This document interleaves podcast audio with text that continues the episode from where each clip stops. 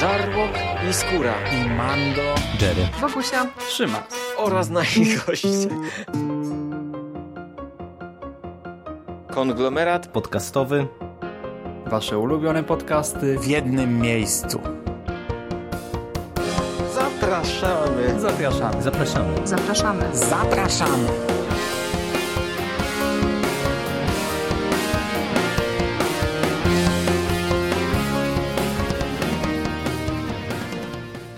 Witamy w konglomeracie podcastowym, czyli na platformie, która zbiera wszystkie Wasze ulubione podcasty w jednym miejscu. Po tej stronie mikrofonu witają się z Wami dzisiaj Michał Ochnik, czyli Misiel z mistycyzmu popkulturowego. Cześć Michale. Cześć, cześć. Cześć Szymonie. Oprócz Michała numer jeden jest jeszcze Michał numer dwa, Michał Dżeryrakowicz. Cześć. Cześć Szymas, cześć Michał, witam słuchaczy. Jestem tutaj również ja, Szymon Szymas-Cieśliński. Witam Was serdecznie. Spotykamy się dzisiaj, by omówić dla Was pewien komiks. Komiks wydany e, przez wydawnictwo Dark Horse Comics, w Polsce przez Egmont Polska, a mowa o Brixland. O Brixland ze scenariuszem Briana Wooda i ilustracjami Maka Chatera, tom pierwszy z podtytułem Kobieca ręka. Tom pierwszy zawierający pierwsze sześć zeszytów serii. Chcielibyście coś powiedzieć o twórcach? Znacie ich z innych tytułów? Czy jest to wasz pierwszy kontakt z Woodem i Chatterem? Ja z Woodem wcześniej miałem do czynienia tylko przy okazji e, Konana Barbarzyńcy, który ukazał się jako słuchowisko e, robione przez jeszcze Sound Tropes Studio, tak? Dobrze pamiętam ich nazwę. Mhm, tak, tak. Zanim się tam poprzekształcali. I oprócz tego on się pojawił na konglomeracie nawet już z, ze swoimi Gwiezdnymi Wojnami bo Woods pisał w latach 2013-2014 tę podstawową serię Star Wars od Dark Horse'a, która jakby poprzedzała bezpośrednio kasację starego uniwersum i Mando omówił całą tę serię, bo to były trzy albumy wydane w Polsce, z czego chyba wszystko, wydaje mi się, właśnie Wood pisał od strony scenopisarskiej. Wydaje mi się, że ja jeszcze się z nim zetknąłem przy jakichś innych komiksach, ale to są takie skojarzenia na pierwszy rzut. A jeżeli chodzi o rysownika, to przyznam się bez bicia, że ja go nie kojarzę zupełnie z niczego. Michelu? Ja y, Wooda znam, owszem, i to całkiem nieźle, szczególnie z jego wcześniejszej kariery, kiedy dopiero zaczynał pisać komiksy. On, to był tego typu scenarzysta, którego się wynajmuje, żeby wypełniał dziury w seriach komiksowych superbohaterskich między mniej nie, między bardziej znanymi, rozpoznawalnymi nazwiskami. I on w ty, właśnie w ten sposób startował. Później trochę przeszedł w, w komiks niezależny, stał się takim bardziej rozpoznawalnym nazwiskiem i ja czytałem kilka jego komiksów. Ja go z jednej strony bardzo lubię, ponieważ on nigdy nie schodzi poniżej pewnego bardzo przyzwoitego poziomu. A z drugiej strony nigdy nie jestem, nie byłem jego fanem, ponieważ on nigdy nie wzbija się ponad pewien, no dość przyzwoity, nie ukrywajmy, poziom. Dlatego kiedy sięgałem po ten komiks, to spodziewałem się przyzwoitego, solidnego, rzemieślniczo dopracowanego komiksu i dostałem go. Dla mnie to chyba był pierwszy kontakt z tym akurat scenarzystą. Wydaje mi się, że on pisał Moon Knighta, te kolejne zeszyty, więc może jeszcze do niego powrócimy też przy tej drugiej serii, którą tutaj z Jerem omawiamy, ale wcześniej, no ja w Gwiezdnych Wojnach nie siedzę, w Konanie nie siedzę, Marvela i DC tych wcześniejszych też jakoś super nie śledziłem, więc pierwszy raz się z nim zetknąłem. No i właśnie dostałem, tak jak już Michel powiedział, coś co najmniej przyzwoitego i zaraz rozwiniemy, myślę, tę myśl, ale najpierw słowo o fabule, bo pewnie wiele osób nie wie w ogóle, czym jest Brixland. Otóż historia tego komiksu jego fabuła skupia się na ekstremistycznej, rasistowskiej, patriarchalnej, anarchistycznej, secesjonistycznej społeczności, społeczności funkcjonującej na terenie Stanów Zjednoczonych. Otóż y, tytułowa rodzina Brixów zarządza ogromnym terytorium, które staje się schronieniem dla białych ekstremistów. Te rodzinne interesy Brixów y, mają się doskonale, społeczność się rozrasta, te secesjonistyczne dążenia są bliskie realizacji. Nasza wioska, to tytułowe Brixland, jest praktycznie zupełnie niezależna od reszty państwa, od Stanów Zjednoczonych. Problem polega na tym, że głowa rodziny, Jim Briggs, trafia do więzienia. Trafia do więzienia w związku z zamachem na prezydenta USA, a jego żona, Grace Briggs, po kilku latach postanawia przejąć stery, postanawia odciąć się od męża i samodzielnie władać całą rodziną, całym tym Brixland i jednocześnie wprowadzić pewne zmiany w funkcjonowaniu wioski i zamieszkującej y, tę wioskę społeczności. Jim oczywiście, jak przystało na głowę, zwłaszcza takiej rodziny, y, nie akceptuje nowego stanu rzeczy. Jego trzej synowie oraz ta cała przyzwyczajona, jakby nie patrzeć do patriarchatu, neonazistowska społeczność, te bojówki zamieszkujące wioskę również niekoniecznie dobrze przyjmują zmiany, a dodatkowo rodziną i jej przestępczą działalnością interesują się agenci federalni. I jak nasza Grace, Grace Briggs poradzi sobie z tym wszystkim, jak poradzi sobie w tym niebezpiecznym świecie, tego dowiadujemy się w trakcie lektury. No i jakie były wasze wrażenia? Tak? Czy dostaliście to, czego się spodziewaliście? Czy pojawiły się jakieś zaskoczenia? Czy może podeszliście do komiksu zupełnie z czystą kartą? Jak to z wami było? Jeżeli o mnie chodzi, ja w zasadzie podchodziłem do komiksu z czystą kartą. Myślałem, że będę wiedział, czego się spodziewać, ponieważ z opisu fabuły Trochę mi to przypominało zarys skalpu Jasona Arona, tylko tam mieliśmy akcję rozgrywającą się w rezerwacie Indian. Tutaj mamy ten teren Brixland i w zasadzie kiedy tak rozpoczyna się ten komiks i pojawiają się te poszczególne wątki, czyli ten, ten wątek właśnie ziemi, Brixów, tej walki o władzę, ci agenci FBI, to E, faktycznie to wszystko jest dosyć zbieżne z e, tym, co Aaron serwował w skalpie, ale w sumie e, powiem wam, że mnie trochę ten komiks mimo wszystko zaskoczył, bo tak jak myślałem właśnie, że to pójdzie taką utartą ścieżką mniej więcej, to jednak Brian Wood moim zdaniem tutaj zaserwował nam parę zaskoczeń i tę opowieść poprowadził w taki sposób, że suma summarum Wydaje mi się to dosyć świeże. Przede wszystkim w związku z tym, że nie wiem, jakie wasze było odczucia to, co do całej tej ekipy, całej tej ferajny, ale tutaj można powiedzieć, że nie mamy pozytywnych postaci. Wszyscy nasi protagoniści, nawet ci teoretycznie, którym tutaj mamy kibicować z Grace Briggs na czele, no oni nie są dobrymi ludźmi i tak naprawdę to, to że tutaj widzimy taką próbę przejęcia władzy przez, przez Grace Briggs i takie próby reform e, całego tego terytorium, tak jak e, wspomniałeś po opisie fabuły, patriarchalnego, takiego mocno nacjonalistycznego, secesjonistycznego i tak dalej, i tak dalej, e, no to tak poprawdzie, no to część tych reform e, to są rzeczy, którym można kibicować, ale z drugiej strony no, widać, że Grace wcale jakby daleko nie ma zamiaru odejść od e, tego sedna, czym jest e, ziemia Brixów i, i to, jak oni wszyscy działają. No, mi się ogólnie to bardzo spodobało i, i, ja uważam, że to jest bardzo dobry komiks I, i, dobrze robi to, co tutaj sobie scenarzyści, scenarzysta założył. A jak to z wami, panowie? Ja nie mam nic do dodania.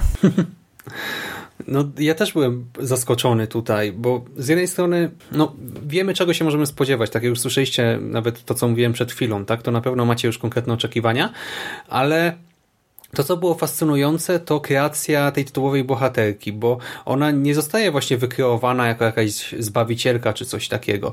Nie, ona jest po prostu fascynująca. Z jednej strony twarda, nieugięta, e, z drugiej strony to nie jest Rambo w spódnicy, broń Boże. Nie, ona też ma pewne rozterki, rozterki kobiece, rozterki ludzkie. E, z jednej strony wchłonęła ideologię swojego męża, tak przeżyła całe swoje życie na Brixland, e, nosi nazwisko Briggs, ale z drugiej strony jest jednak inną osobą, tak jest bardziej postępowa, chce zmienić niektóre aspekty funkcjonowania wioski i ta kreacja mi się strasznie podoba. Z jednej strony już mówię to po raz trzeci, nie? z jednej strony nie da się jej nie lubić tak zupełnie w tym komiksie, ale tak jak już Jerry zauważył, to nie jest pozytywna postać i ja też bym się nie zdziwił, gdyby w kolejnych y, zeszytach, w kolejnych albumach okazało się, że ma swoje takie naprawdę też stricte mroczne, nieprzyjemne oblicze, bo Tutaj bohaterowie są ekstremistami, nazistami, przestępcami, mordercami i tak dalej, i tak dalej, ale pomimo wszystko to jest przedstawione tak, że też nie pałamy do nich jakąś nienawiścią.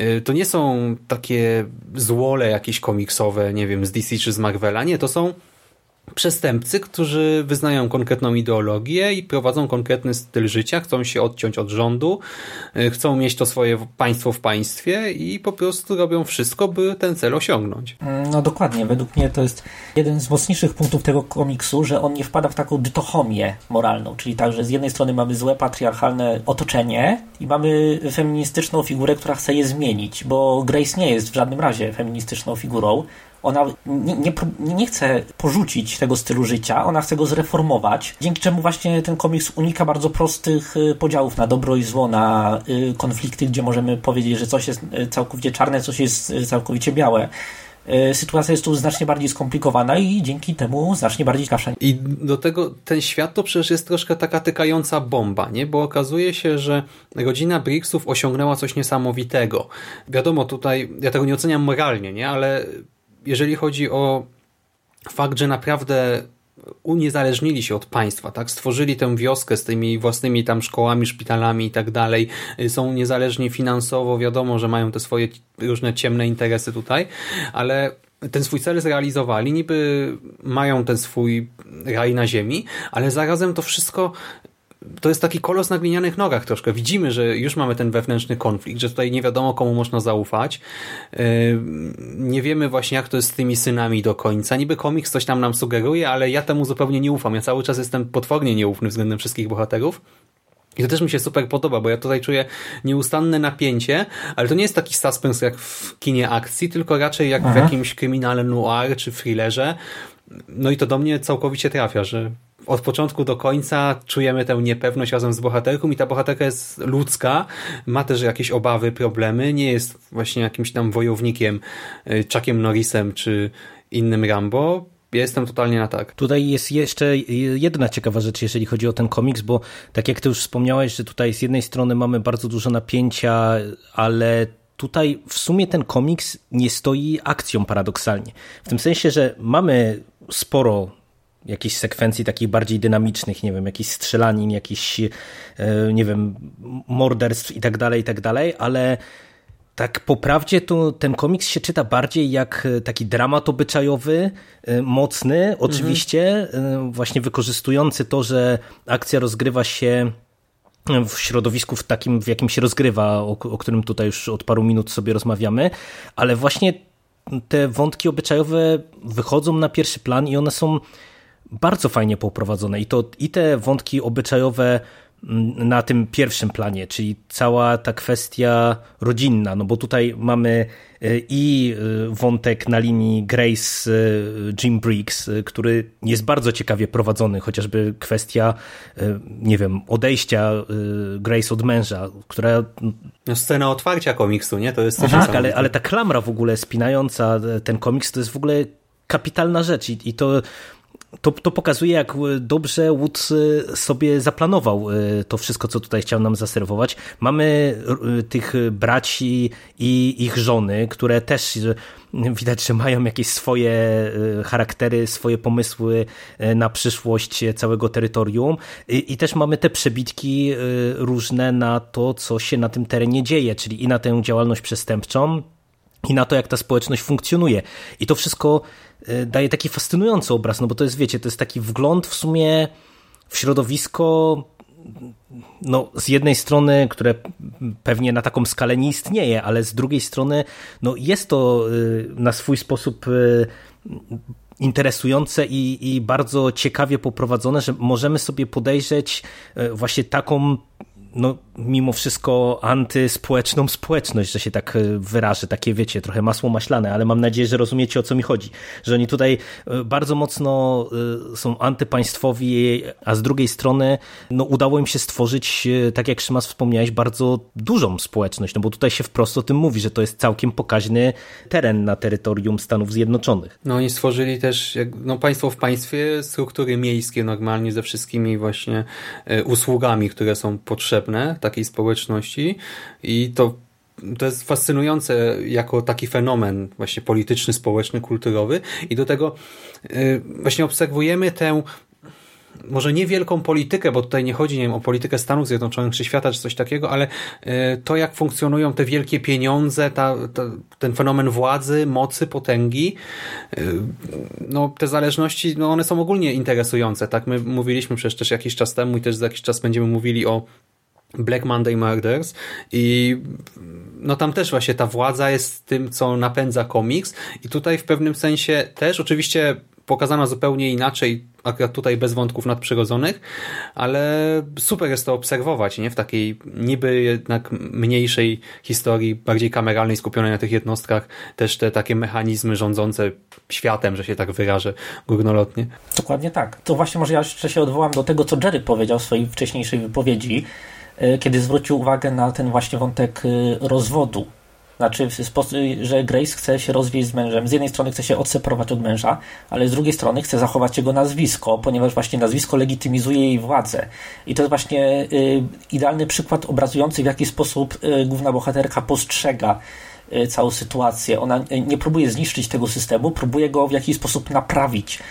I według mnie to jest bardzo fascynujące, jeśli chodzi o wymiar y, właśnie takiej, takiej reformy wewnętrznej, ponieważ nie wiemy, nie wiemy, w którą stronę to pójdzie. Czy, y, czy ten system w ogóle jest możliwy do jakiegokolwiek naprawienia bez jakiejś gigantycznej, radykalnej transformacji czy może w jakiś sposób Grace znajdzie równowagę pomiędzy tym chaosem, a pomiędzy swoim, y, swoją utopią, którą sobie wymarzyła i którą chce zrealizować. I to jest właśnie świetne, ponieważ Grace jest y, trochę jakby niewolnicą własne, y, własnego spojrzenia na to, w jaki sposób powinien wyglądać tytułowy Brixland.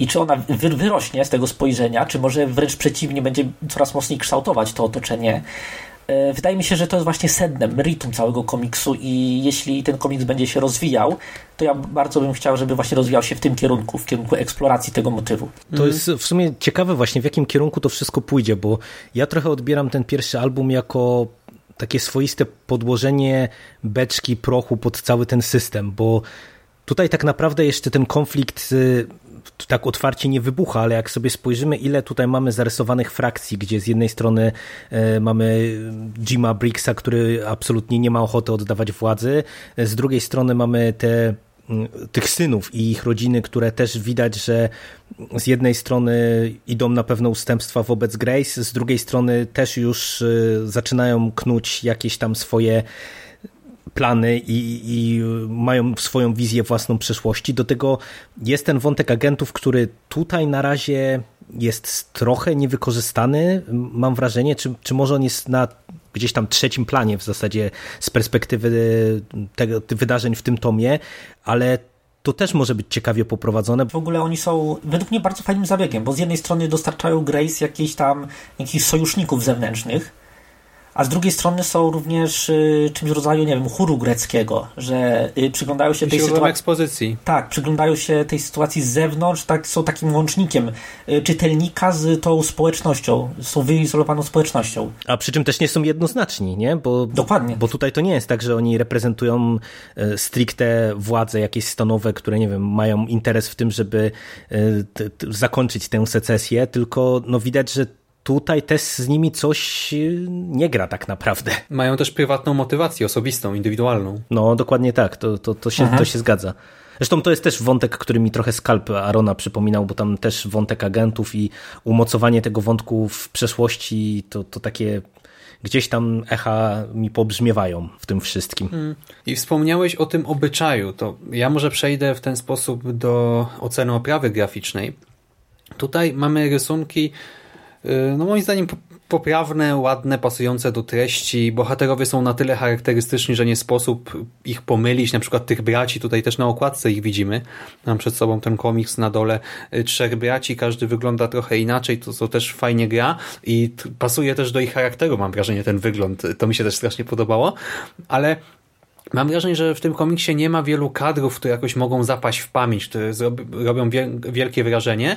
E, ja pamiętam po lekturze jeden i to do tego taki stosunkowo niewielki, nawet węższy od innych, e, taki celowo umieszczony na dole strony, nie za duży kadr, e, ze Stef, z jedną z bohaterek wioski i butami obok niej. Buty są tak właściwie na pierwszym planie, kobieta jest na drugim planie. Ja tutaj nie chcę zdradzać o co chodzi, bo to byłby spoiler, ale to jest taki prosty obrazek, y, który symbolicznie mówi mhm, bardzo dużo. To jest wyrazista dużo. symbolika, bardzo wyrazista, ale jednocześnie nienachalna i dość subtelna. Mhm, I to jest takie zwieńczenie jednego wątku niby z drugiego planu, czy nawet z tła, ale bardzo istotnego wątku, który też sprawia, że widzimy naszą bohaterkę Grace tak, a nie inaczej. I to kurczę, naprawdę to jest malutki obrazek. Jeszcze właśnie jak mamy zawsze tutaj po dwa kadry obok siebie przez całą stronę, to na samym dole jest tylko jeden kadr, mamy trochę białego, to czy tła, tak, trochę bieli po prostu po lewej i po prawej, ale to super po prostu zagrało jako środek narracyjny. Naprawdę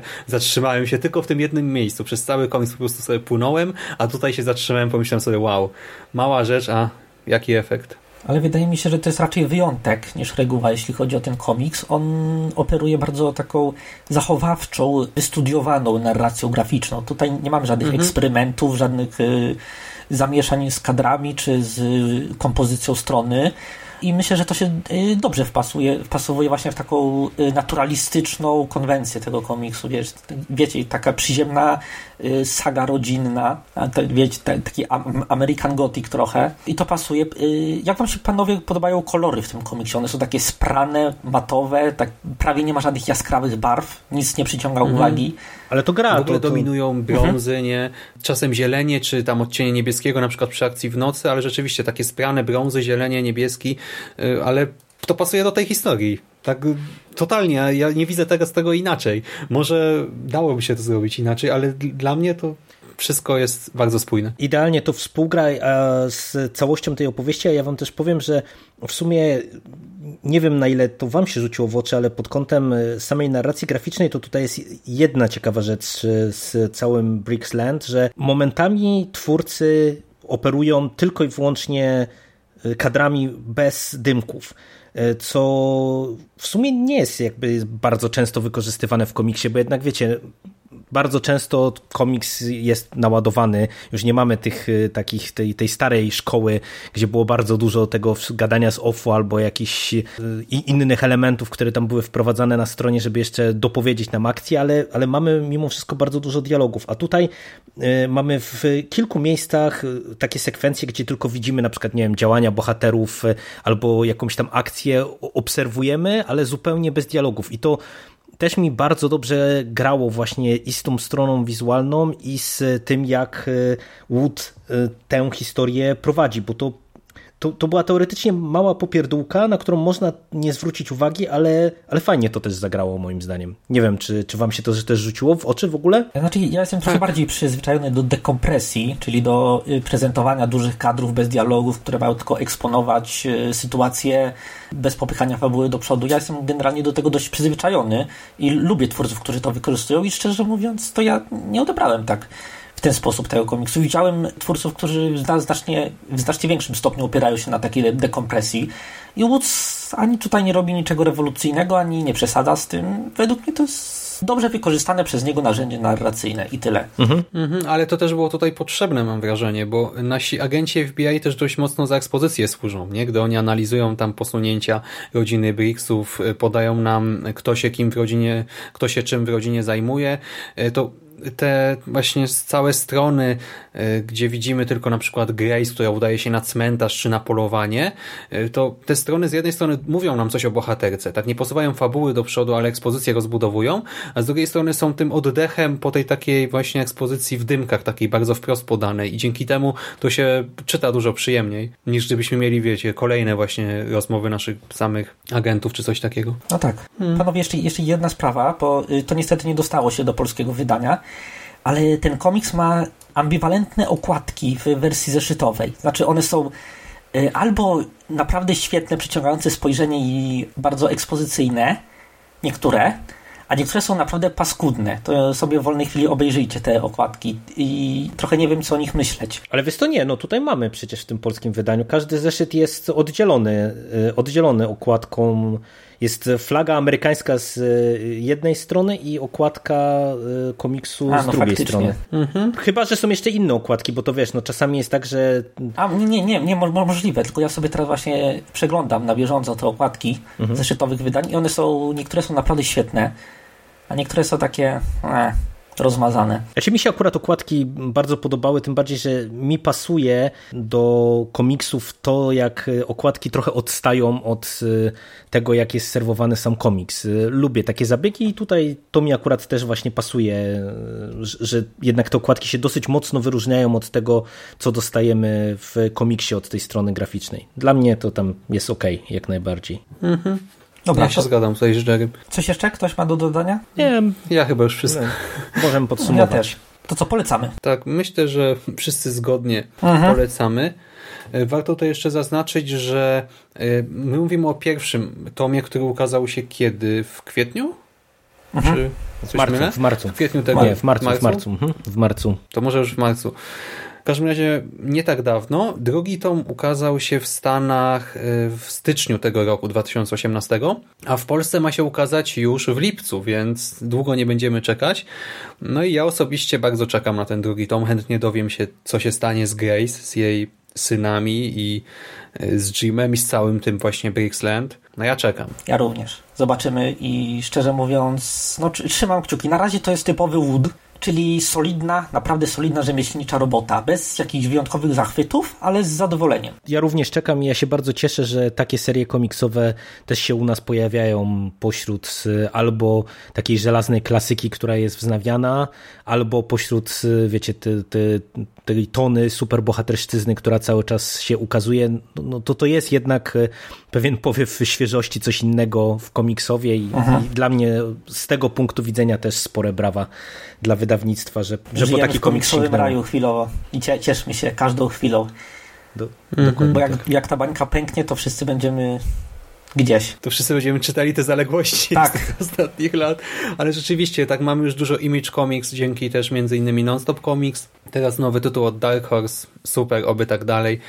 No dobra, to dzięki wam, Michale, pierwszy i drugi, I dziękujemy my również i Tobie, Szymonie. No dzięki, dzięki panowie. a wam kochani, tradycyjnie już życzymy przyjemnej lektury, miłego dnia i do następnego razu. Trzymajcie się, cześć. Cześć. Cześć.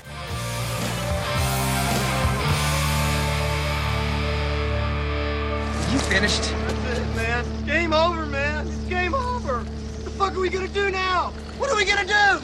It's over. Nothing is over! Nothing! You just don't turn it off!